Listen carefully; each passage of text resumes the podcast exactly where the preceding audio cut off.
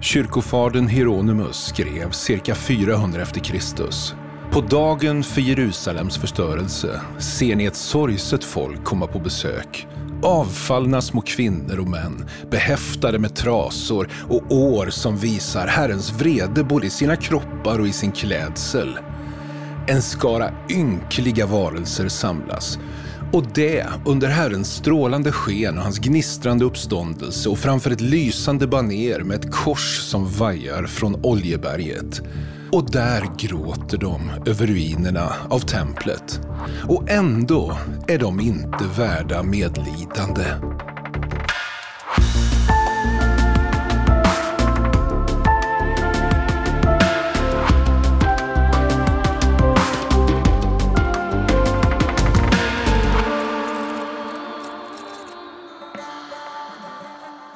Alright, Roar, nu är det dags. Ett nytt avsnitt. Ja, det är ett nytt avsnitt. Vi rullar på vidare för full fart. Ja, men det, det är bara att hänga in nu. Det är liksom det fjärde utav 26 här, så vi har ju en bit på vägen, men... eh, Still a way- long way to go. Ja, så är det. Ja. Du, vilket årtal ska vi prata om idag? Vet du vad, det är kanske den bästa frågan du har idag för att eh, Ja, det, det, är frågan. det är Vilket frågan årtal? det, vilket årtal är det? Men vi har sagt eh, 364. Och, eh, det, men det finns lite diskussion om när exakt det här kyrkomötet som vi ska prata om hände, men 364 säger vi. Precis, och kyrkomötet talar om, var, liksom bara summerat, varför det är av vikt för den här berättelsen vi berättar. Man kan väl säga att, att den här episoden och det kyrkomötet då försöker svara på två saker. Och det är egentligen vad är judarnas relation till Gud efter att kyrkan finns? Och vad är kyrkans relation till judarna? Eh, Det är väl de två sakerna som står i fokus tycker jag. Just det. Ja, och det här får ju en väldig betydelse då för den fortsatta utvecklingen där ju mycket av berättelsen utspelar sig i Europa där kristendomen är den dominerande religionen. Eh, och eh, ja, vi ska inte gå händelserna i förväg men det här är ett, ett viktig, en viktig händelse helt enkelt, relationen kristendomen, judarna eh, och ja, framtiden helt enkelt. Ja, precis. Och, och sen måste man säga att det är ju, eh, alltså vi går in i 360 364, men det är ju en sak som händer i en lång process. Det, allt Ja. händer inte liksom på ett år, så att säga. Precis, och det är väl det som lyssnarna vid det här laget, de som hängt med, har förstått det. Att, att det är långa processer som leder fram till nyckelhändelser. Men du, eh, vad händer historiskt? Var, var befinner vi oss? Eh, Det är mitten av 300-talet. Eh, vad, vad, vad rör sig runt om? Är vi fortsatt mest i romarriket, eller vad händer egentligen? Ja, alltså vi är ju det. Det, det är ju romarriket och det är ju den historien som är den mest intressanta skulle man kunna säga. Och eh, definitivt med tanke på vad vi har att eh, ta upp här. Eh, och eh, då befinner vi oss i en rätt så kaotisk tid. Alltså om vi ska gå några tio år innan där och även hundra år innan. Men eh, det är ju som det ofta är i romarriket mycket strul. Vem ska härska och, och liksom interna maktkamper, attacker utifrån. Vi har fortfarande det här hotet från perserna eller sassaniderna. Det, det, det, sassaniderna och perserna, nypersiska riket.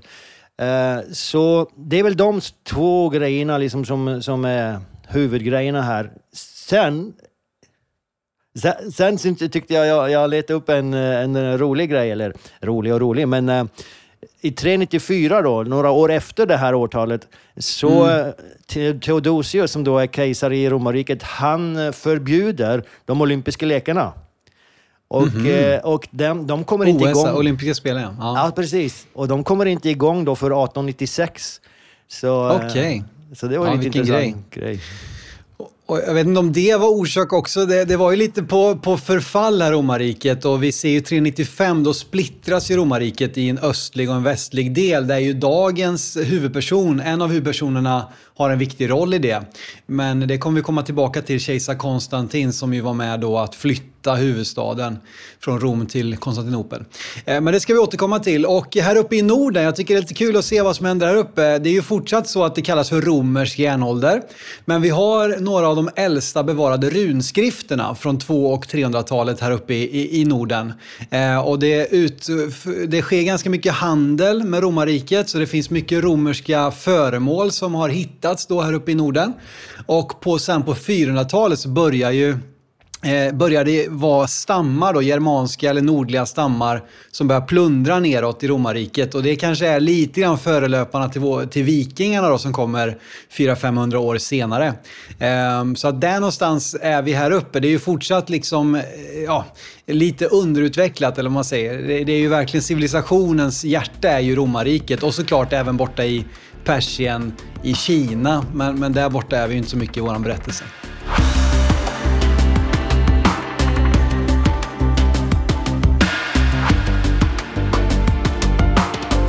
Men du, hur är då situationen för judarna? Ja, eh, alltså för judarna så, så, är det ju någonting som händer där när de, när de förlorar sin egen, sitt eget hemland, alltså år mm. 70, 135. Eh, då förlorar de också lite sin status. För de, de, alltså, de hade då ett eget hemland, de hade en bas och nu har de inte det. Nu är de ett mm. folk som är utspridda. Däremot, Enbart ja, precis. Ja, ja. precis. Eh, däremot så, så har de ändå en väldigt speciell eh, ställning, position i uh, romarriket därför att de är väldigt utbildade.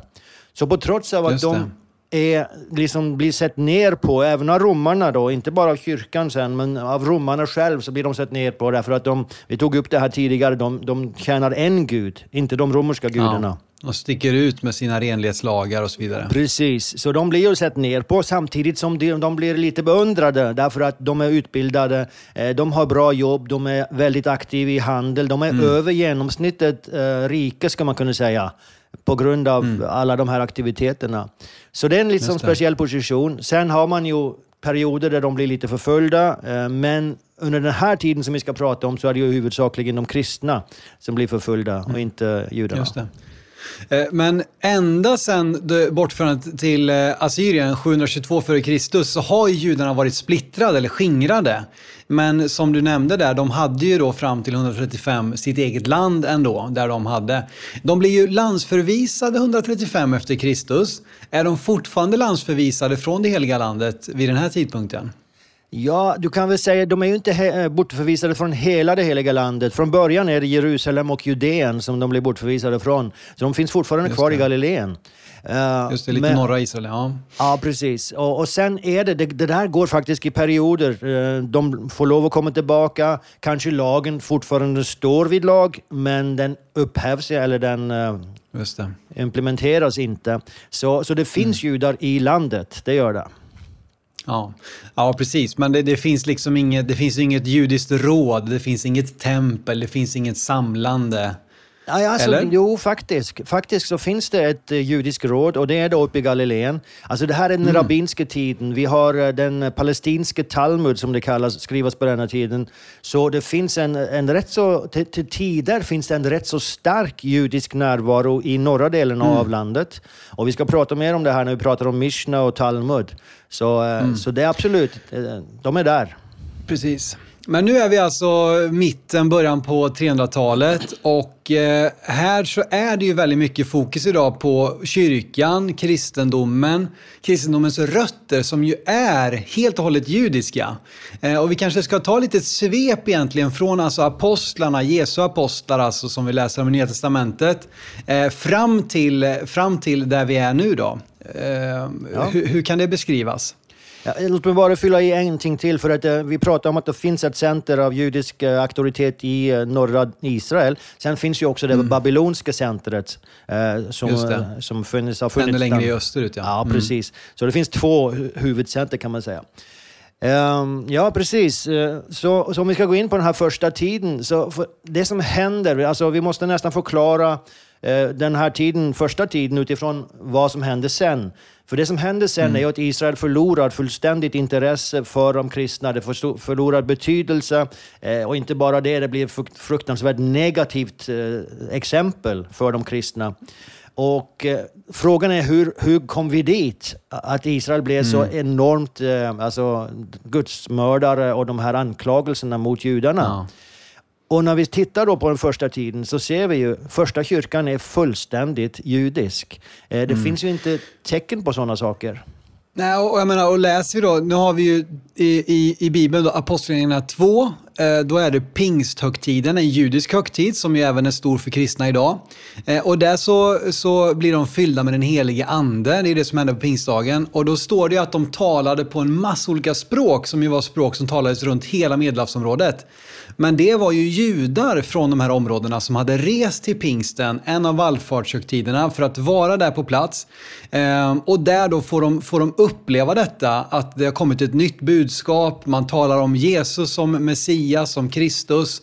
Eh, och anden faller och, och här så kommer en stor följarskara och kyrkan växer ju explosionsartat från den här starten. Eh, men eh, liksom en, en, en kristen läsare kan ju tänka, ja det var massa olika folk direkt från början, men det var ju judar allihopa. Ja. Så att vi får ju gå ända fram till Apostlagärningarna 10 innan det kommer in då eh, hedna kristna, alltså kristna som inte tillhörde judiska folket. Jesus själv var jude. Jesus tolv lärjungar var judar. De 120 som var samlade på pingstdagen var judar. De som blev fyllda med helig ande på pingstdagen var judar. De 3000 som döptes på pingstdagen var judar och så vidare. Eh, och det är ju så som kyrkan i dess yttersta rötter liksom växer fram.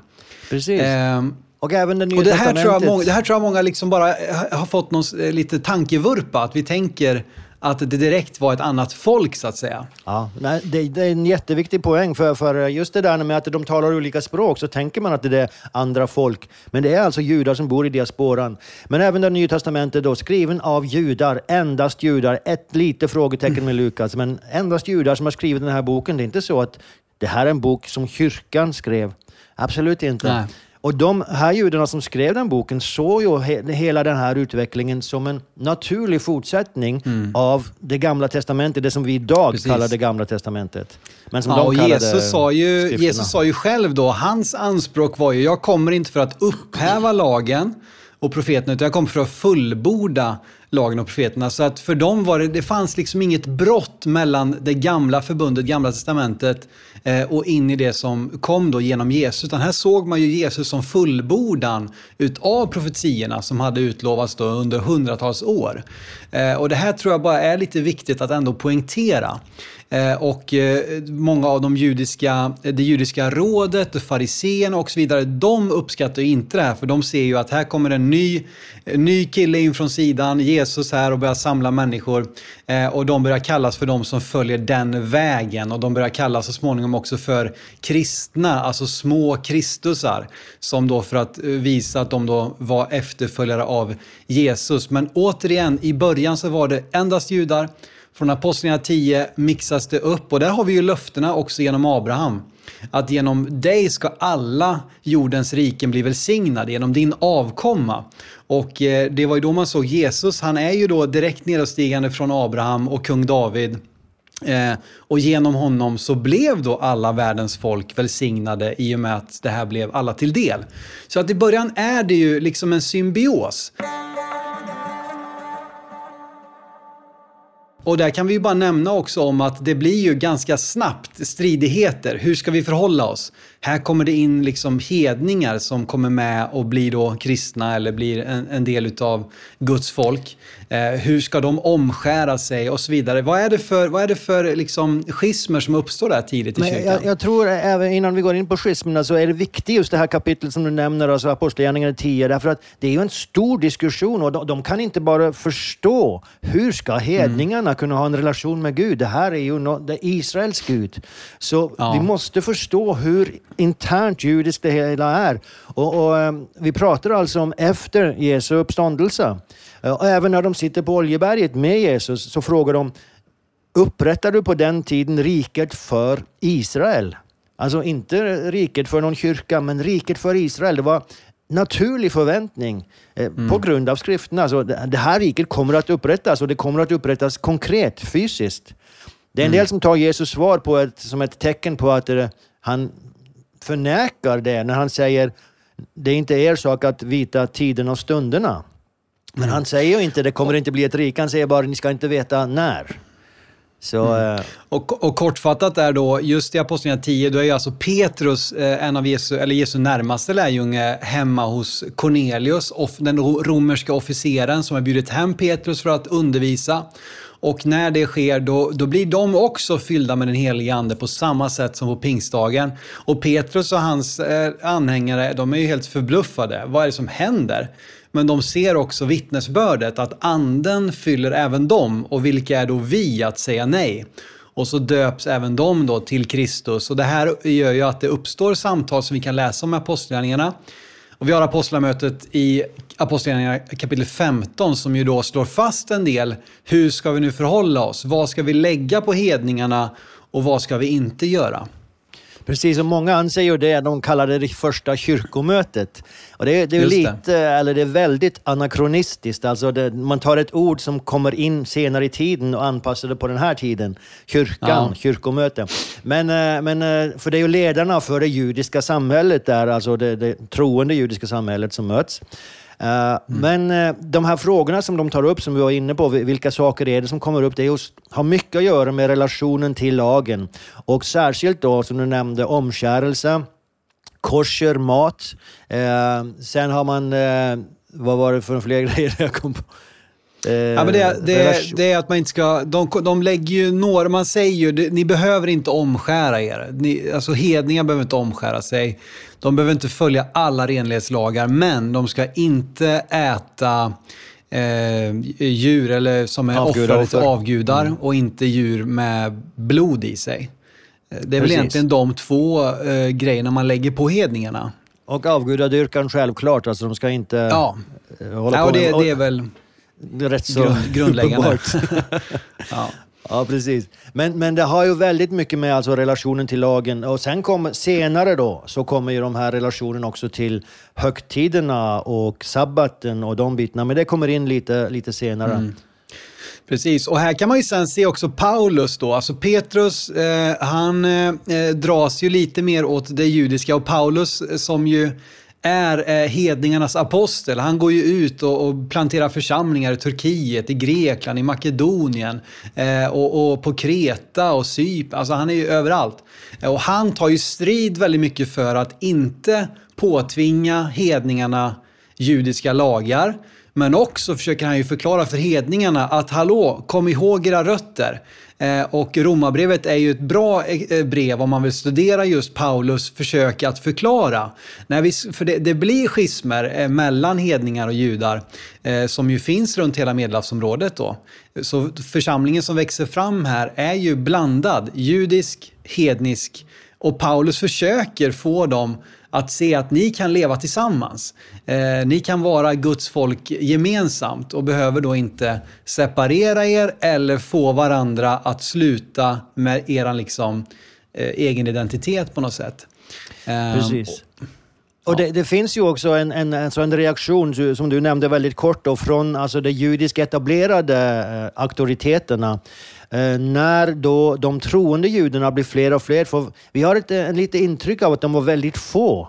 Men eh, bara på mm. pingstfestens dag då, så var det 3000 och sen kommer de ju stora siffror. Och det blir en ja, utmaning. Ja, i Jerusalem ja. Det växer ja, precis. enormt. Men det blir mm. då en utmaning för de etablerade judiska auktoriteterna. Hur ska man relatera till det här? Och det kommer ju vissa reaktioner även från deras sida då mot de Jesus-troende judarna. Så mm. en sak som de gör lite senare är ju faktiskt att de tar bort, därför att de kristna, och särskilt då hedna kristna då, de säger i princip att av lagen så är det endast de tio buden som gäller. Det, det blir mm. liksom eh, väldigt fokus på de tio buden. Så vad judarna gör faktiskt är att de tar ut de tio buden av sin liturgi eh, för att inte ge intryck, alltså bygga upp under den tanken att de tio buden mm. bara gäller så att säga. Så, så um, det finns lite dragningar åt båda håll och lite polemik från båda sidor. Så är det ju. Men vi kan ändå se att de första apostlarna och kanske deras lärjungar höll ju ändå ihop på något sätt, eller försökte hålla ihop, även om det hela tiden är... Alltså Paulus gör ju inget annat än att bemöta problem som uppstår i de nya församlingarna. Där bland annat relationen till de judiska rötterna är ett av utmaningarna som uppstår väldigt tidigt. Eh, men sen går det ju inte så långt, utan redan i det andra århundradet så börjar ju då eh, läran om judarna som, som Kristusmördarna, som gudsmördarna växa fram. Som ju lägger grunden för det som eh, dagens avsnitt handlar väldigt mycket om.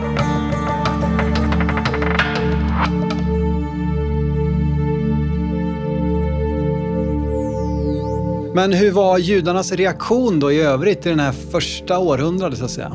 Ja, man måste ju tänka på att i den första tiden så var ju det judiska etablerade miljöet som var det starka och det var de Jesus troende judarna som var de svaga. Eh, så, så, när de eh, Jesus-troende judarna börjar bli ett hot så, så, slår man ju lite till emot dem. Och jag nämnde eh, då eh, den, den ena saken med de tio buden som är ett teologiskt grepp som de gör. Men de introducerar också en bön i den dagliga bönen som de har som egentligen är med på att filtrera ut de messianska, som vi ska kalla de messianska judarna, de som trodde på Jesus som Messias. Eh, filtrerar de ut från synagogarna. För det som de gör, de introducerar en bön som en Jesus-troende jude inte skulle kunna be. Eh, som mm. har att göra med att man fördömer de vantro, alltså de som inte är rätt troende mm. och så vidare. Så, så det finns lite, lite slag den vägen från början här. Eftersom det är den starka sidan just då. Eh, sen så ser vi ju när de kristna kommer upp och, det, och kyrkan blir hedna kristen så slår den ju fruktansvärt tillbaka då. Mm. Och vi kan ju bara påminna om det. Jesus gick i synagogan. Petrus och Johannes eh, läser vi om. De gick till templet på de utsatta bönetiderna. Paulus, han söker sig alltid till synagogan först när han kommer till en ny stad. Så att de försöker hela tiden verka utifrån det judiska samfundet. Sen är det olika hur väl, hur väl den här nya eh, läran så att säga tas emot då, huruvida man ser Jesus som Messias eller inte. Men eh, när de här första apostlarna har dött, så att säga, vi kommer in i det andra århundradet, så redan där så börjar ju den eh, riktigt stora splittringen att ske mellan eh, judekristna och hednakristna. Och eh, det som eh, går under begreppet som gudsmördare, Eh, det begreppet växer fram. Jag har något citat eller ifrån Miletos av Sardes, alltså en av de tidiga kyrkofäderna som redan år 120 började använda det här uttrycket då, gudsmördarna om just eh, judarna. Alltså det var de som dödade Jesus och därför liksom ska de förtjäna dem ett straff ungefär. Jag vet inte om du har andra, just var den källan kommer ifrån där man liksom började se på judarna som folk, som Kristusmördare. Nej, det, det, finns ju en del andra källor som tar upp liknande saker, men har du citatet där så, så läs det gärna.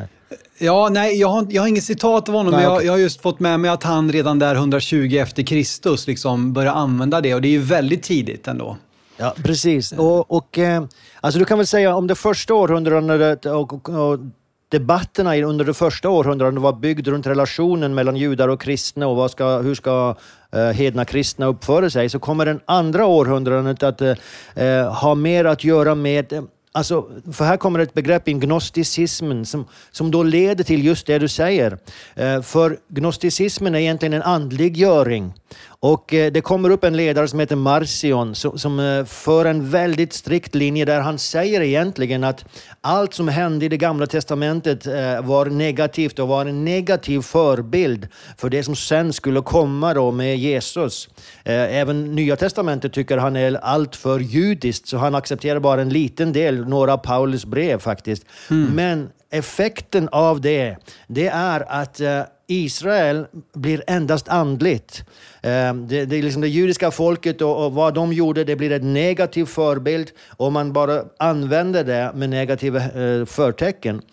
Och det leder då igen till en väldigt negativ syn på, på judarna samtidigt som att kyrkan blir mer och mer hedna kristen. Så, så den naturliga sympatin som den första kyrkan hade med sitt eget folk, den försvinner. För nu är det hedningar mm. som börjar bli majoritet och ja, det, är så kommer... många, det växer ju explosionsartat, kyrkan. Så jag menar, det, är ju, det är ju ganska snabbt till att det blir en majoritet hedna kristna. Det, det ser vi väl egentligen redan under Nya Testamentets eh, tid. Liksom. Ja, precis. Mot slutet där så började det bli så. Och sen har vi de här två tragiska eh, händelserna som vi redan har nämnt, år 70 och år 135, som också decimerar den judiska befolkningen. Och, ja, det är många eh, som dör, ja. Mm. Många som dör och eh, Jerusalem förlorar då sin sin influens. För 135 så blir Jerusalem fullständigt ödelagt, förstörd.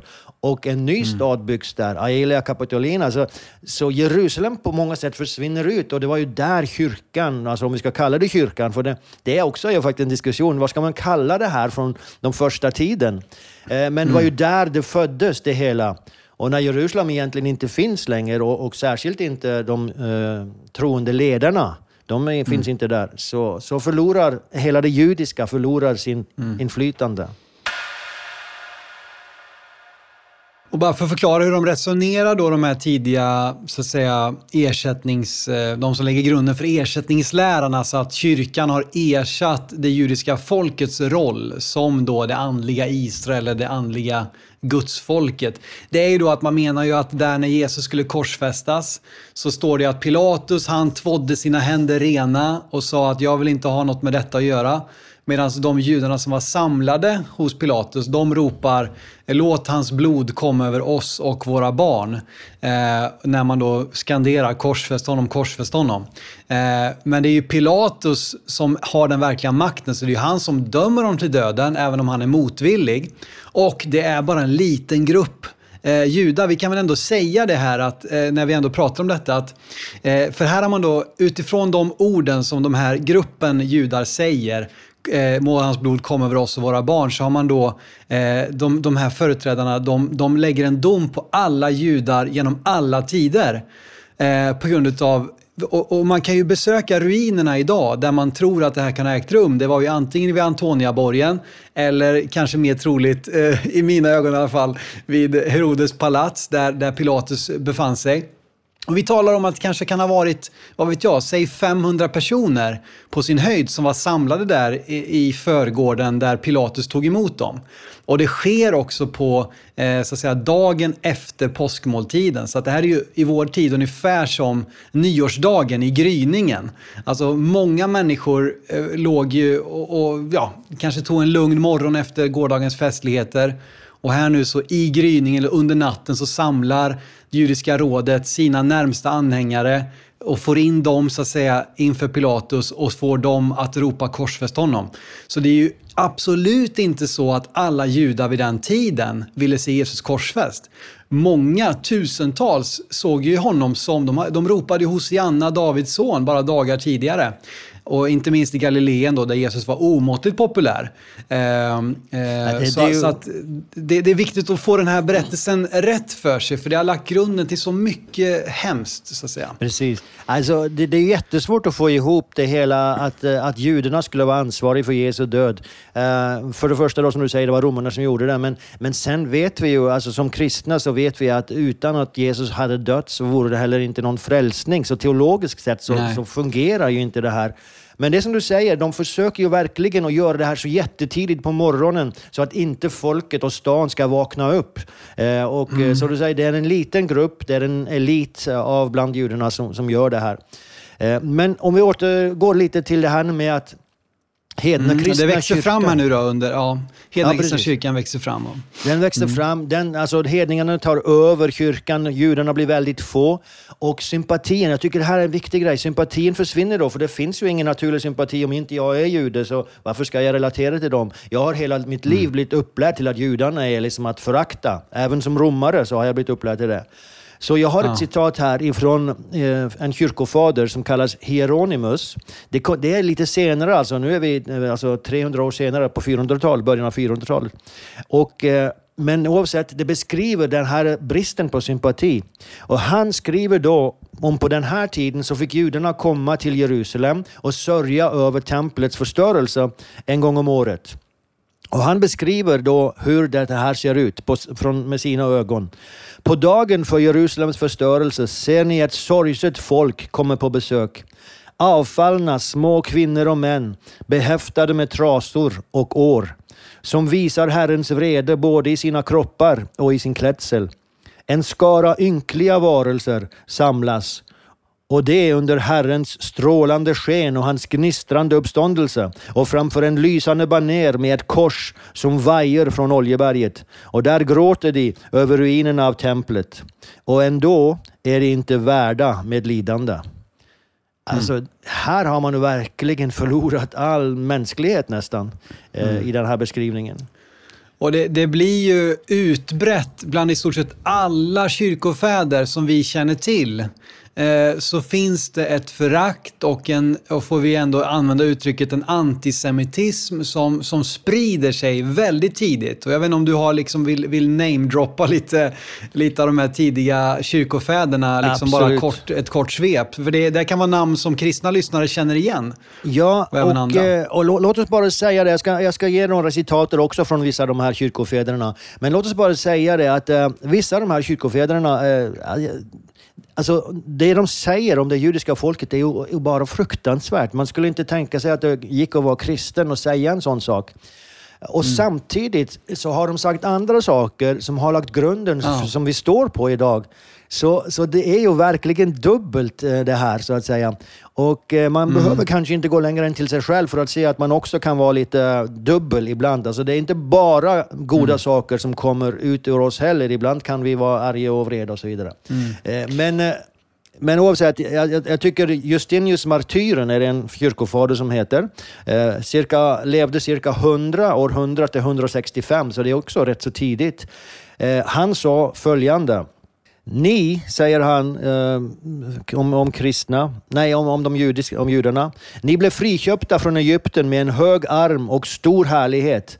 Eh, och sen listar han hur många under Gud gjorde för dem. Och så säger han, trots allt detta gjorde ni en kalv och begick otukt med främlingars döttrar och begick äktenskapsbrott och gjorde det igen efteråt när landet hade anförtrotts er med så stor makt. Ni döms av profeterna även efter Mose varningar, för att ha gått så långt att ni offrade era egna barn åt demoner. Och utöver allt detta har ni vågat så mycket motstånd mot Kristus och vågar fortfarande.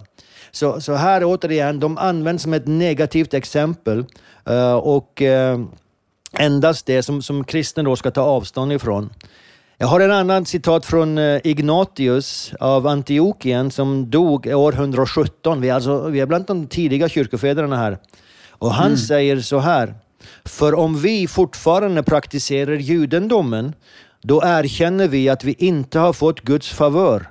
Det är fel, eller han använder ordet monstruöst, att tala om Jesus Kristus och leva som judar. För kristendomen trodde inte på judendomen utan judendomen på kristendomen. Så här vänder han faktiskt på det hela liksom och säger mm. vi, vi har inget med judendomen att göra, det är de som ska tro på oss, på det som vi har. Eh, men alltså här så står striden om om vi fortfarande praktiserar judendom, det var det vi var inne på. Vad ska man som kristen, hedna kristen följa av lagen? Och till slut så blev mm. det så illa att om du gjorde någonting som kyrkan då inte accepterade så, så blev du ju faktiskt... Eh, alltså du blev fördömd av kyrkan. Ut, utvisad, ja. Ja, precis.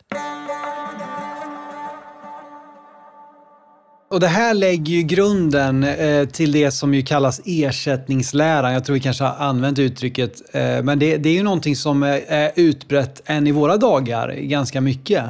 Vill, vill du kortfattat eh, förklara vad, vad ersättningslära är? Vi har ja. sagt det kanske, men, men ja, det är för, viktigt att förstå rötterna kanske. Ja, det, det, är ju, det är ju, för den här episoden är det ju det grundläggande. Alltså ersättningsteologin, den säger ju i princip att kyrkan har ersatt Israel i allt som har med Guds eh, syften, plan och syften att göra. Så löftena som tidigare tillhörde Israel, de tillhör nu kyrkan. Uh, och eh, det, är det stora skiftet så att säga. Gud egentligen är färdig med judarna därför att de tog inte emot honom. De tog inte emot Jesus när han kom, Messias. Uh, och därför så är de, som du, som du var inne på här tidigare, de, de var ansvariga för gudsmordet enligt kyrkan, kyrkan och är därför mm. fördömda. Jag har, jag har ett par citat till, men innan, innan jag kommer till några verkligt tuffa citat om det, Låt mig bara ta ett citat till från Justinius som just lägger grunden för det här med ersättningsteologin. För han säger så här. Ty det sanna, andliga Israel och ättlingar till Juda, Jakob, Isak och Abraham är vi som har förts till Gud genom den korsfäste Kristus. Här får du ju verkligen, det vi som är det andliga Israel. Och det är ju en term som inte ens finns i Bibeln, det andliga Israel. Eh, det, mm. det, finns det sanna Israel, det finns några sådana termer, men här så sker vändningen och det sker väldigt tidigt då på första århundradet. Eh, Sen så har jag också eh, ett citat ifrån Johannes Gullmund, tror jag han heter på svenska. John Chrysostomos. Ja, Johannes Chrysostomos ja. Jag har också något citat från honom. Det var en spännande man. Ja, alltså han höll ju, nu är vi på 300-talet, eh, och han höll ju en serie predikningar mot judarna, åtta predikningar mot judarna mm. i, i Antiochien. Och han säger så här, Juden är övergiven av Gud för gudsmordet. Det finns ingen försoning möjlig. Ja, precis. Jag har det här citatet också i, i, lite längre form. Judarna är de mest värdelösa av alla människor. De är giriga, lystna och sluga. De är de svekfulla Kristusmördarna. Judarna är de avskyvärda Kristusmördarna och för brottet att döda Gud finns absolut ingen eftergift eller förlåtelse. Kristna får aldrig sluta att utkräva hämnd och judarna måste för alltid leva i slaveri. Det åligger alla kristna att hata judarna. Alltså det, och det här är då runt 386, alltså det är ju efter vårt episod, men det här är ju ni förstår, alltså det, det är fruktansvärda, det, det finns liksom ingen rim och reson i resonemangen.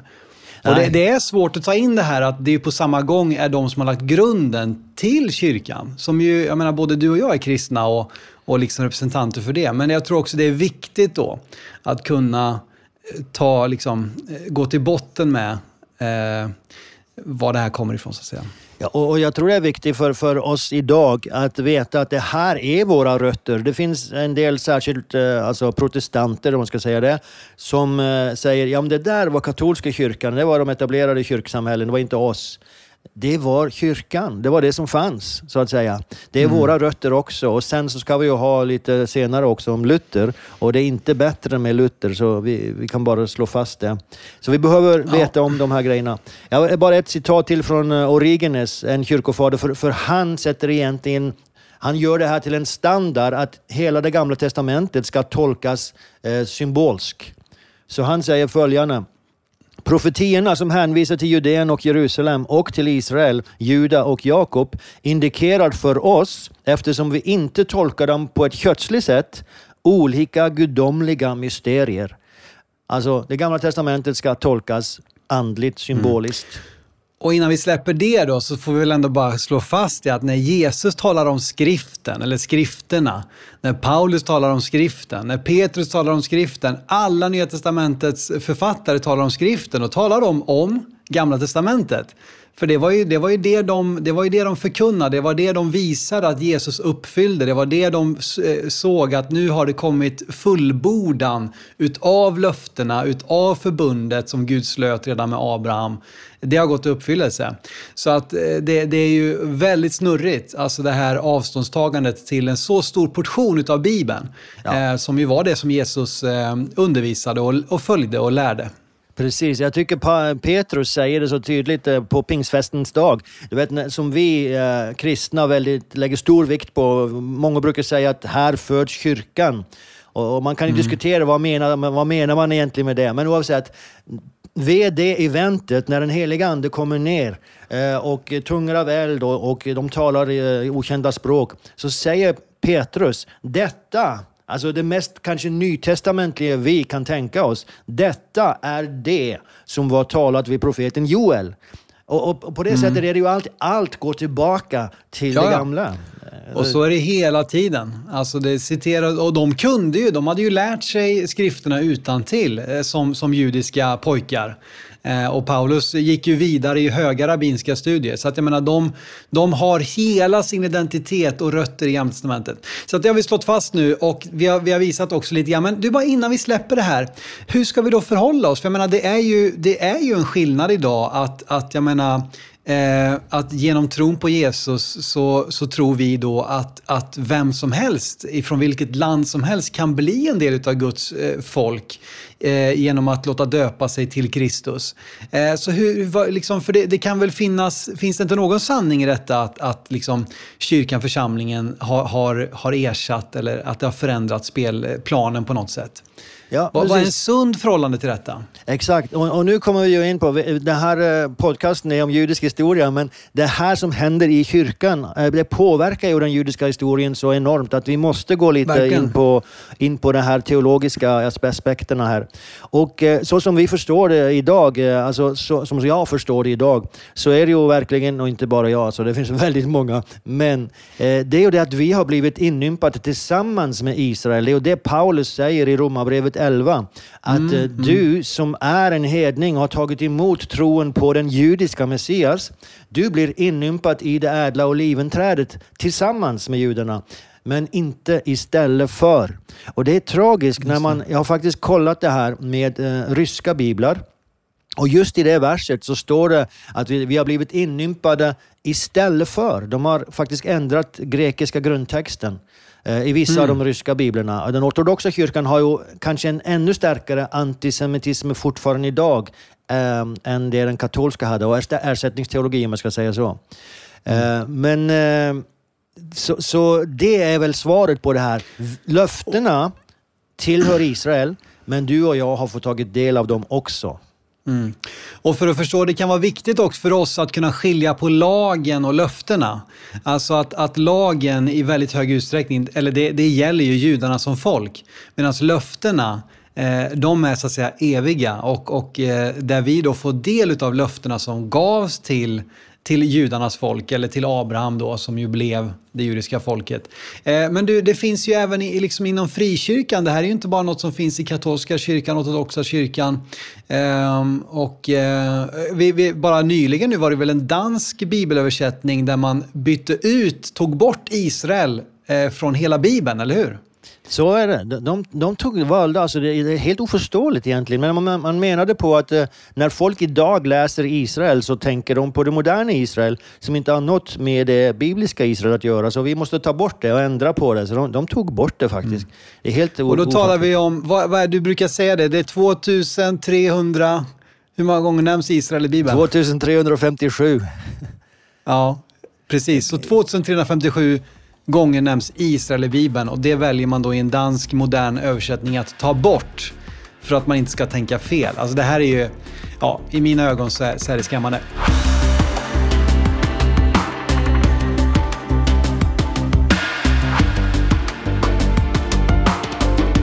Men du, vi får lämna lite den, den moderna teologin, nu, nu, men nu förstår vi återigen lite grann vart det här kommer ifrån.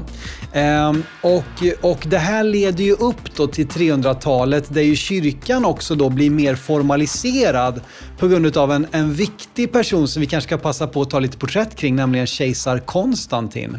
Ja. Som ju blir en, en game changer verkligen i, för kyrkan, i romarriket, där det går från att vara en förföljd sekt till att bli liksom den nya statsreligionen. Så är Precis. kejsar Konstantin en, en nyckelperson i detta.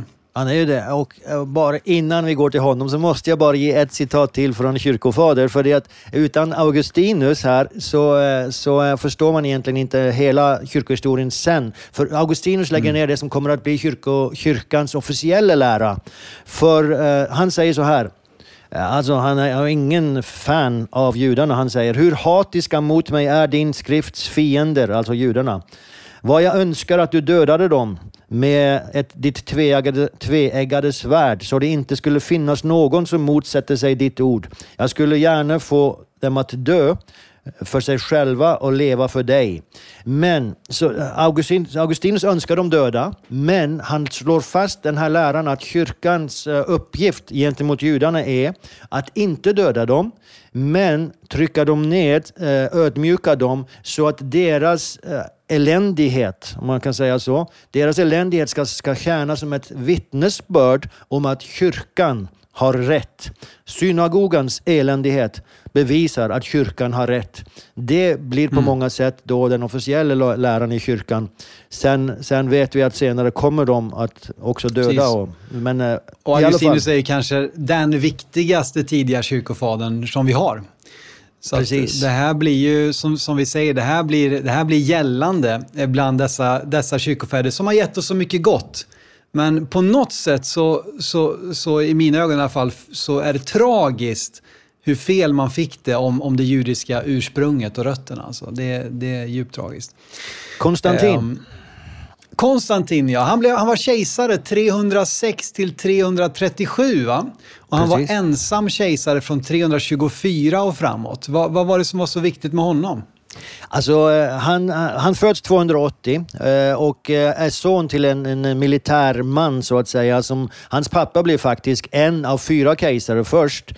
Och sen är det en lång och intern kamp som inte vi orkar att gå i detalj på för det är så många involverade som försöker att ta makten.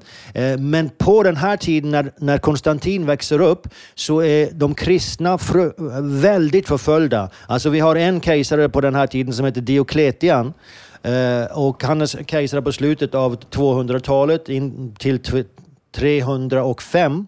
Då avgår han faktiskt själv, han abdicerar. Men eh, mm. han förföljde de kristna något våldsamt. Eh, och då, hade, då ska vi komma ihåg det att det hade varit väldigt många vågor av eh, kristen förföljelse upp genom de tre århundraden mm. som hade varit där. Precis, och ända tillbaka till kejsar Nero då, som vi pratade om i avsnittet om år 70, så är det ju en Precis. hemsk förföljelse. Och många martyrer, eh, alltså många romare, alltså avgudadyrkare, de såg på de kristna som ett hot. Och de menade på att enda sättet att eh, blidga sina egna gudar, alltså de romerska gudarna, det är att offra dem eh, alltså som, som martyrer då för, för, från deras sida. Så därför så blev så många judar, eh, judar också, men, men troende, blev, blev martyrer på den här tiden. Och eh, Diokletian då, han fortsätter den här, en, en fruktansvärd våg av eh, förföljelse. Eh, och eh, sen så har han också en efterföljare, Galerius, som, som även fortsätter och gör det ännu värre för, under en kort period. Men Galerius, det är just när Konstantin börjar komma till makten. Han blir först eh, han blir som en underhärskare uppe i, i eh, Europa, England och Tyskland, mm. det området där. Eh, så han blir en av fyra härskare. Galerius är också en av de fyra. Eh, sen han förföljer de kristna väldigt hårt. Sen så håller han på att dö av en fruktansvärd sjukdom, Galerius. Och på, på dödsbädden så att säga så utger han ett, en lag som tolererar kristendomen. Det här är 311 Eh, sen, mm. sen, sen eh, står det vid lag, men, men eh, vi vet att Konstantin kommer två år senare och vidgar det här, den här lagen mm. så att kristendomen tolereras fullständigt. Och det är, ju, det är ju början på en helt ny era för de kristna. Just det. Och där talar du om, om ediktet va, i Milano 313, där Precis. man kan säga att man häver förföljelsen av kristna eh, och säger nu, nu, nu är det nog. Nu får vi, som du säger, då, tolerera kristendomen. Att det är ingenting, vi, vi har inte rätten längre att liksom förfölja dem. Och det kommer ju baserat på ett slag som har stått eh, året innan. Slaget vid Milvianbron. Uh, för där, ja. där, det var ju där som egentligen Konstantin började ta hand om de tre andra kejsarna. Alltså det, de, de har olika titlar, Caesar och Augustus. Men uh, oavsett, det finns tre andra som också regerar över en del av romarriket. Och uh, här då så börjar han ta hand om dem och, och erobra deras landområden. Och vid slaget mm. där, strax innan slaget vid, vid Milvianbron, så får han ett syn. Det finns egentligen två eh, versioner av vad som egentligen händer. Det ena är att han ser i en dröm och det andra är att han ser en vision. Men i alla fall så ser han eh, ett kors eh, på himlen eh, mm. och som säger, så hör han en röst som säger i detta tecknet ska du, ska du segra. Och han ser också de grekiska bokstäverna eh, som, bör, som Kristus börjar med, Christos, chi och rå. Eh, och det, när mm. du går till kyrkan idag så ser du ofta det på korset, det ser ut som PX. Eh, Just det. Men han ser det här tecknet och i det här tecknet ska du segra. Så han begär då, eh, dagen för slaget står att alla soldaterna, hans soldater, ska sätta det märket på sina skölder. Och eh, mm. så går han ut i kriget. Eh, så det. det är många som anser det här för att vara hans omvändelse. Där så händer det. Sen finns det en Just lång det. diskussion om, om egentligen hur seriös var hans omvändelse mm. och så vidare. Och, eh, och när, han, när han då blir ensam kejsare från 324, då tar han väl nästa steg. Att, eh, eh, ja, att han, att han eh, tillkallar, så att säga, eller ut, utlyser eh, det här första kristna kyrkomötet då egentligen. Att, att Ja, samla... precis. Precis, och han gör, väl, alltså, han gör väl egentligen eh, kristendomen till en statsreligion eh, på den här tiden. Eh, sen är det först 380-81 som, som det blir den enda religionen i romarriket. Men, men så från att tolerera kristendomen till att sluta förfölja de kristna så gör man det till en erkänd religion här då. Precis. När Konstantin blir ensam kejsare innan det sen då blir den enda religionen. Och här kanske vi ska säga någonting också om hans, om hans mamma, drottning Helena. ehm, som Ja. ju också var en varm, varm troende får vi säga. Absolut. Ett, ett helgon, ett helgon i, i, den, i den katolska, eller ja, kanske i den ortodoxa kyrkan också. Ja. Eh, Som ju blir den första kristna pilgrimen som ju vallfärdar till Jerusalem.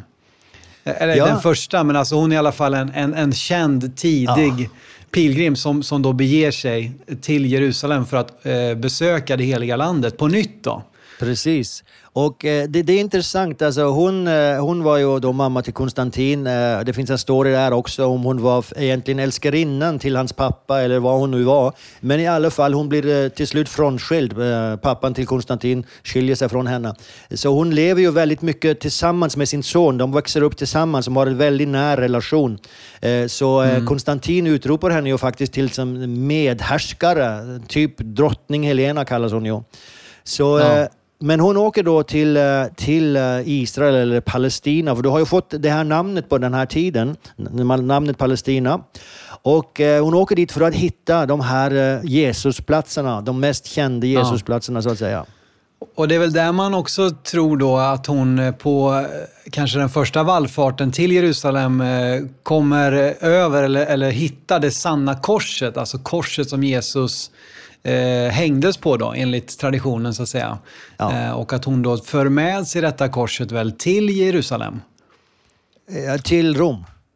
Ja, till Rom. Ja, förlåt mig. Förlåt mig. Ja, Ja, hon, hon, hon påträffar i alla fall det, det sanna korset och, och Ja, eh, Exakt. enligt och det- traditionen får vi väl tillägga. Ja, det, det är en tradition, en legend. eh, Och om man går till gravkyrkan eh, i Jerusalem så hittar man faktiskt ett, ett, längst ner i gravkyrkan en liten grotta där det sägs att det var här hon hittade dem. Men eh, eh, oavsett, det, det som är intressant är att den, hennes resa händer, den finner sted strax efter eh, det här kyrkomötet som du nämnde i Nicea 325. Och i det kyrkomötet så är den stora striden, eh, den kallas arianismen, men den har att göra med om Kristus, Jesus, är Gud eller inte. Ut ur det kyrkomötet kommer den här trosbekännelsen, den nicenska trosbekännelsen som vi känner. Och när hon åker till landet, eh, alltså bibliska landet, det heliga landet, så bygger hon tre kyrkor. Och det är på graven eh, för platsen för Golgata. Det är för platsen för Jesu födelse i Betlehem, eh, födelsekyrkan. Och det är på Oljeberget, platsen där Jesus for upp till himlen. Om vi tar den nicenska trosbekännelsen så är det de tre paragraferna i den bekännelsen, det är exakt de tre grejerna det handlar om. Jesu födelse, Jesu uh, lidande uppståndelse och hans himlafärd. Så det, det är rätt så intressant att se hur det hela kopplar ihop.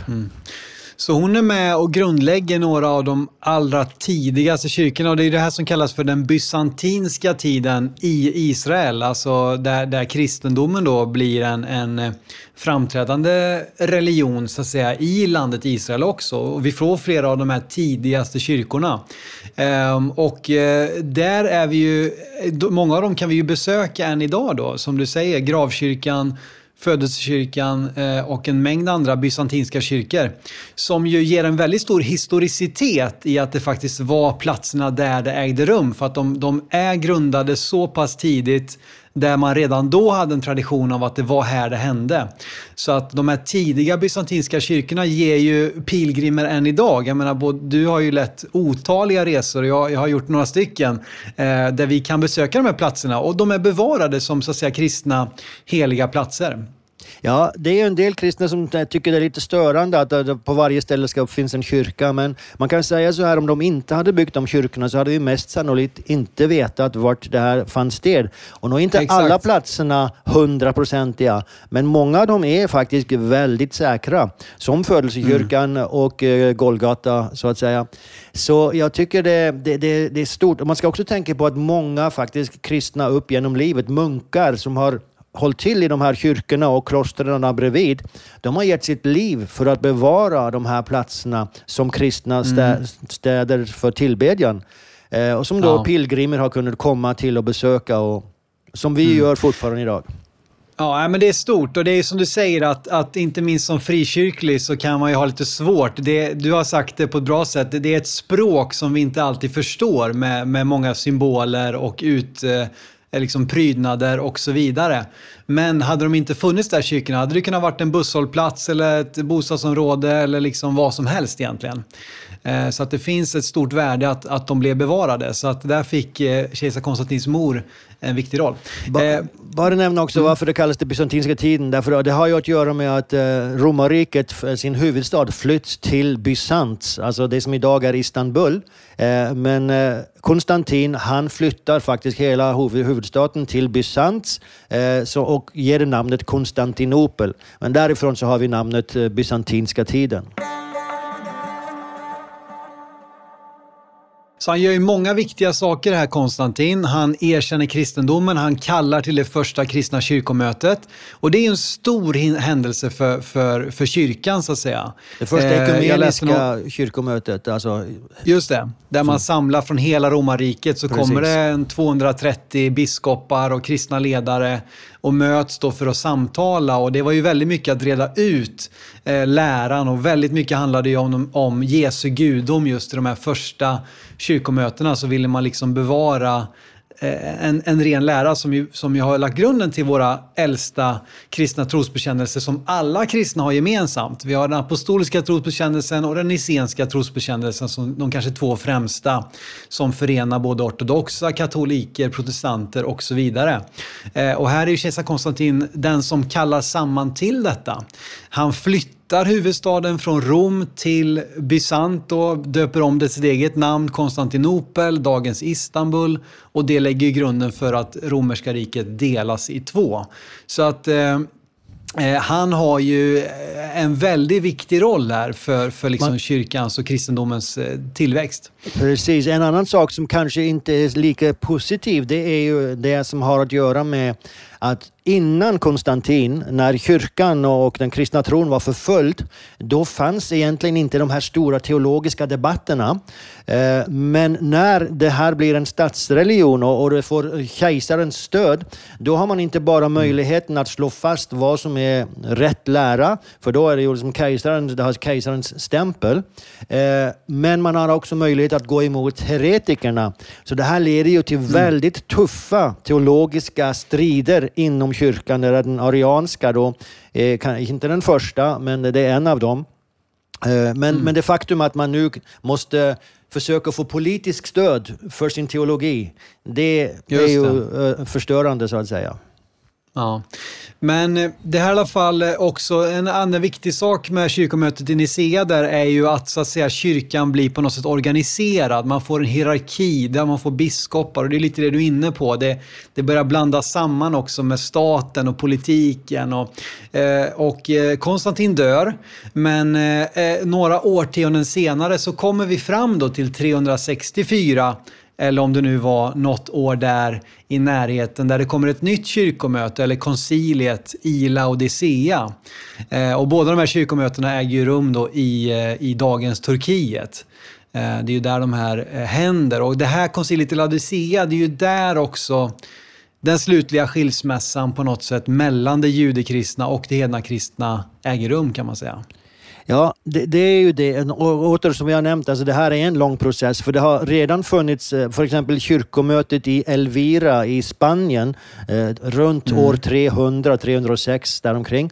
Uh, och uh, det kyrkomötet vedtog väldigt många lagar mot judarna också. Det var ett regionalt kyrkomöte och det är också kyrkomötet i Laodicea. Det är inte ett ekumeniskt Det är regionalt, men senare visade det sig att de besluten som tas, som tas i Laodicea, de blir allmängiltiga. Så därför så är det. det här väldigt viktigt då. Men det har redan blivit vedtagna lagar mot judarna. Eh, och det har att mm. göra med, med det här som vi har nämnt, vad är, som egentligen nämnde från början. Vad är judarnas relation till Gud? Hur ska vi som kristna förstå judarnas relation till Gud? För det påverkar egentligen hur vi ser på oss själva. Om de fortfarande mm. är Guds utvalda folk, vem är då vi? Det, det är ju det som kyrkan har lite mindre värdighetskomplexer här. Och det andra är, hur ska ja. vi relatera till dem och till deras tro? Så det har kommit en del lagar som säger bland annat från Elvira att det är olagligt att gifta sig med judar. Eh, det är olagligt att äta i judiska hem. Eh, mm. Det är olagligt att fira shabbat. Eh, så mm. så det, det här är som sagt regionalt, men det sprider sig väldigt snabbt då. Och låt oss bara än en gång säga det att det här är ju det som Jesus gjorde. Alltså, Jesus firade sabbat. Jesus han åt kosher. Jesus, alltså, man bryter egentligen med, med sin frälsares livsstil. Absolut. Så det, det är djupt tragiskt. Ja, det sprider sig i alla fall och det, det, blir, eh, det, här, det här börjar liksom eh, pyra ut och bli, bli mer och mer eh, använt eller erkänt runt om i, i hela romarriket. Precis. Uh, ja, vi har flera lagar här, men kan vi ta dem i relation till det här kyrkomötet då i, i Laodicea? Uh, som vi då ska prata om. Eh, år 364 säger vi. Och eh, varför Laodicea? Laodicea är ju väldigt intressant eh, utifrån ett kristet perspektiv också, därför att vi har ju det som en av de sju kyrkorna i eh, Uppenbarelseboken.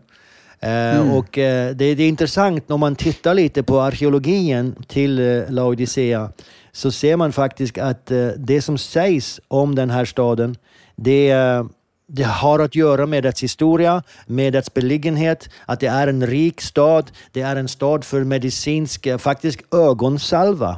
Det finns, de gör en mm. bekänd ögonsalva som omtalas i andra romerska källor, som Laodicea är känd för, den här ögonsalvan.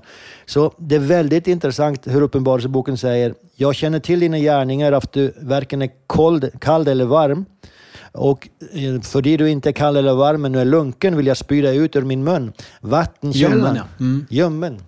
Eh, ja. Vattenkällan till Laodicea blev hämtat långt bort ifrån. De hade ingen naturlig källa så det kom via akvedukt. Vilket gjorde att det kalla källvattnet eh, han bli ljummet innan det kom fram. Eh, så, så det var också en, en, en grej med Laodicea. Du säger att du är rik. Laodicea var ett finansiellt center. Det var väldigt många judar som bodde där. Eh, vilket också är orsaken till att det fanns en kyrka där. Vi ser Laodicea omnämnt i, i Paulus brev. Eh, så Laodicea var känd för att vara rik och faktum är att det finns en annan källa som säger att de gav nio kilo guld till templet varje år. Eh, det var mm. deras tempelskatt så att säga. Det, står också att jag säger, köp vita kläder så du kan vara påklädd, står det i Uppenbarelseboken. Och Laodicea var känd för sin svarta textil. De hade svarta mm. får som, som uh, de uh, alade upp där. Så väldigt intressant bara att se hur alla de här sakerna hänger ihop. Där är det då kyrkomötet uh, blir hållt. Ja. Och, och, här då så, så blir ju så att säga antisemitismen lagstadgad på något sätt. Eh, vi kan ju nämna också antisemitismen, alltså semitism det är ju från ända tillbaka till Noa som hade tre söner, Sem, Ham och Jafet. Och Sem blev ju då de som ledde vidare till Abraham och judarnas folk. Och då är man då antisemiter, antisems avkomlingar då.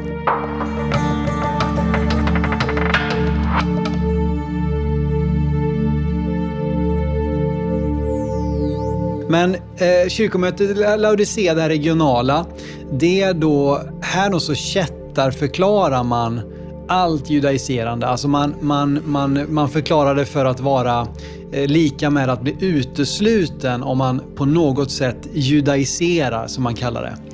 Eh, och där har vi ju, det finns ju många viktiga, återigen det är ju ett kyrkomöte med många viktiga slutsatser för kyrkan och för oss än idag. Men där finns också insprängt då bland de här olika kanon, alltså man, man fastställer, jag, vet, jag, jag har inte siffran just nu men det är ju vad det nu är. Det är, 60. Det är ett, 60, 60 olika kanon. Och flera av de här då vänder sig just mot judarna. Du har säkert något citat där också, men det, står till exempel i kanon nummer 29 att kristna får inte judaisera genom att vila på sabbaten, alltså lördagen, utan de måste arbeta på den dagen och istället ära Herrens dag, söndag, och vila då som kristna. Men om någon skulle finnas som judaiserar, låt dem vara förbannade inför Kristus. Kanon 37.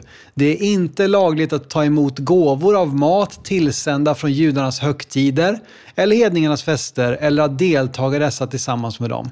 Kanon 38. Det är inte lagligt att ta emot osyrat bröd från judarna eller deltaga i deras ogudaktighet. Eh, du kanske har flera, men här tar man ju lagligt liksom avstånd så att säga från allt som har med den judiska rötterna att göra. Precis. En, en sak som jag tycker är lite intressant är att det är olagligt att ta emot välsignelser, alltså förbön, från, he, från kättare, heretiker. Och där ingår ju judarna. Mm. Jag vet mm. från andra källor att eh, just att judar bad för eh, kristna var väldigt vanligt. Därför de visste, mm. många kristna hade en eh, okej okay relation med judar och de visste att det här faktiskt är eh, Moses, de, alltså Abraham, Isak och Jakobs barn och så vidare. De har den kopplingen. Så många bad om judan, judisk mm. förbön. Och det blir då olagligt, så att säga. Så jag, jag tycker det som händer, alltså de här lagarna kommer ju till därför att det finns interaction, där det finns judar och kristna som hänger ihop och som gör saker tillsammans. Mm. Det finns kristna som firar sabbaten och den stora frågan också när det gäller påsken då. För det, det är ju en sak som pågår under hela egentligen 200-talet, men 300-talet då. Eh, mm. När ska kristna fira påsken? Eh, och det, jag tycker det är en intressant fråga för att det, det, det finns ju lite argument åt båda håll där. Man, man, kan ju tänka sig att det är naturligt, det, det, står ju i Bibeln, den 14 Nisan, alltså den liten judiska kalendern. Det är, det är som våran julafton kan vi säga då. Alltså vi firar julafton 24 december och på samma sätt så är judarnas påsk ett fast datum. Liksom. Enligt det deras kalender. kalendern. Ja, Precis. Ja. Men sen så kom utmaningen då när eh, Jesu uppståndelse var på första dagen i veckan. Och då så tänkte mm. kyrkan, mm. men alltså judarnas kalender den rör sig, för den följer måne, det är en månekalender som justeras enligt mm. solen någon gång ibland. Men den rör sig. Medan vi vill ha uppståndelsedagen på den första dag i veckan, för det står väldigt tydligt i evangelierna att det var då. Mm. Så, så då börjar man att fira påsken med, på söndagen, men den första söndagen efter den 14 Nisan. Så det är fortfarande den judiska kalendern som bestämmer påsken. Mm. Och det blir till slut också fel. Eh, och kyrkan säger vi kan inte låta judarna avgöra när vi ska fira våra högtider. högtider. Och så ska, sätter man ett fast datum då, eh, eller inte ett fast datum, mm. men eh, minns du formeln det, på det, det där? Det kan du va? Det kan mm. du va, Roar? När, när, när den kristna påsken infaller? Alltså det är någonting... Den, den första söndagen efter den första fullmånen efter vårdagjämningen. Då ja. infaller den kristna, kristna påsken. Precis. Det är intressant, så att, att man slår fast det, det innebär att det kan ske då från vad det nu är, 22 mars fram till den 23 april. Det, det är något i den stilen. Eh, allt däremellan kan vara, kan vara den kristna påsken. Eh, men det är intressant att man slår fast det för att inte på något sätt låta sig påverkas av judarnas så att säga, kalender eller judarnas liv. Eh, och det var väl också så att man hade, jag tror att man hade också, i alla fall tidigt, om det nu ändå skulle sammanfalla, för det kunde det göra även med det, så flyttade man den kristna påsken för att inte sammanblandas med den judiska påsken. Och, och det här är ju återigen, jag, jag, det, det, har jag ingen exakt källa på, men det är någonting som jag har hört i alla fall. Eh, och återigen, alltså man tar avstånd från allt som Jesus gjorde egentligen. Det som han ja. följde, det som han lärde, det som han växte upp i. Ja, och man måste ju säga så man, man, det finns en viss, en viss uh, argument uh, för just som söndagen där. Men när man flyttar påsken fullständigt bort ifrån den 14 nisan, då, då är det svårt mm. att hänga med längre. Men det som händer ja. som, som ett resultat av det här, det är ju verkligen att det blir ett komplett brudd. nu går det faktiskt ja. inte för judar att kristna har gemenskap längre. Det, man, det man, får inte det helt enkelt. Då, då förvisas man. Och nu börjar ju också kristendomen sammanblandas med romarriket, som du säger, med, med statsmakten. Och, och, och då, då blir det ju, får, kan det även få liksom lagliga konsekvenser. Eh, inte bara liksom att, att man ses illa på sina kristna syskon utan man får liksom statens makt emot sig. Liksom. Så eh, här blir ju, och, och det, det, är ju kyrkans fortsatta historia sen där den, där den på ett alltför starkt sätt politiseras och, och blir en del av statsmakten. Men det, det ska vi inte fastna jag, i idag i alla fall. Du vet, det, det, det, är svårt att förstå. Eh, alltså det här, man måste nästan använda ordet hatet eh, som finns från den kristna sidan eh, mot judarna. Det, det, det, det är så mm. starka känslor.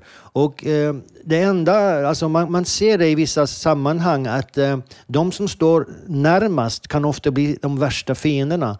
För det är ju nämligen mm. så att kristendomen, judendomen, alltså egentligen det de inte håller med om, det har att göra med Jesus. Det, det centreras runt honom. Sen när det gäller moral och etik, eh, när det gäller eh, synen på framtiden, vad som kommer att hända. Alltså vi är väldigt samstämda. Men, eh, mm. och just därför att vi står så nära så tror jag kyrkan kände behov för att markera det, att vi är inte detsamma. Vi är vår egna, ja. Mm. Precis. De hade behov ja, Man vill egen försöka identitet. förstå, men, men det är en djup tra tragedi. Alltså det, det smärtar i mitt hjärta när jag tänker på vad som gått förlorat. För det är klart att idag då när vi tycker att ja, men judar, de, varför, varför tror de inte på Jesus? Eller varför tror de inte att han var Messias? Ja då måste vi förstå att, att den kristna kyrkan har ägnat nästan hela sin historia åt att förfölja, eh, de, förfölja judarna helt enkelt. Ja, och göra det nästan omöjligt för judarna att överhuvudtaget öppna sig för, för Jesus, även om vissa gör det så att säga. Precis, och jag tror det, det, tror det är viktigt att se hela liksom, eh, ra, raddan av, alltså, av argument som byggs på varandra för att förstå hur man nådde ersättningsteologin. Och en viktig sak är att förstå det här, bristen på sympati där det börjar. Man förlorar sympati med det judiska folket, eh, för man är inte bland dem. Sen kommer det här med andliggöring, eh, där man eh, tillåter sig att säga att Israel egentligen inte betyder Israel. Och sen går det vidare också med gudsmördare. För det man inte har sympati med dem eh, så kan man också mm. säga att de är gudsmördare. Och eh, sen, det, det, följer en liksom, logisk påbyggnad hela vägen och leder då till de här fruktansvärda, jag, jag skriver ner bara här några keywords, alltså ödmjukande eh, av judarna, eh, förakt för judarna, förföljelse, misshandel, diskriminering, våld emot dem, tvång, tvångskonvertering, eh, utkastelser från sina länder, mm. massakrer. Mm. Alltså det är bara stickor för vad som kommer att komma som ett resultat av det här. Så Exakt. det är tragiskt. Ja, precis. Och och det här är ju inte så att det här var slutet, utan det var snarare början på något som skulle urarta genom Europas historia. Eh, men det ska vi komma tillbaka till och här har vi faktiskt på något sätt sammanfattning just varför 364, eller om det nu var något år fram eller bak, blev så avgörande i det här brottet mellan det, eh, den kristna kyrkan och den judiska, dess judiska rötter så att säga.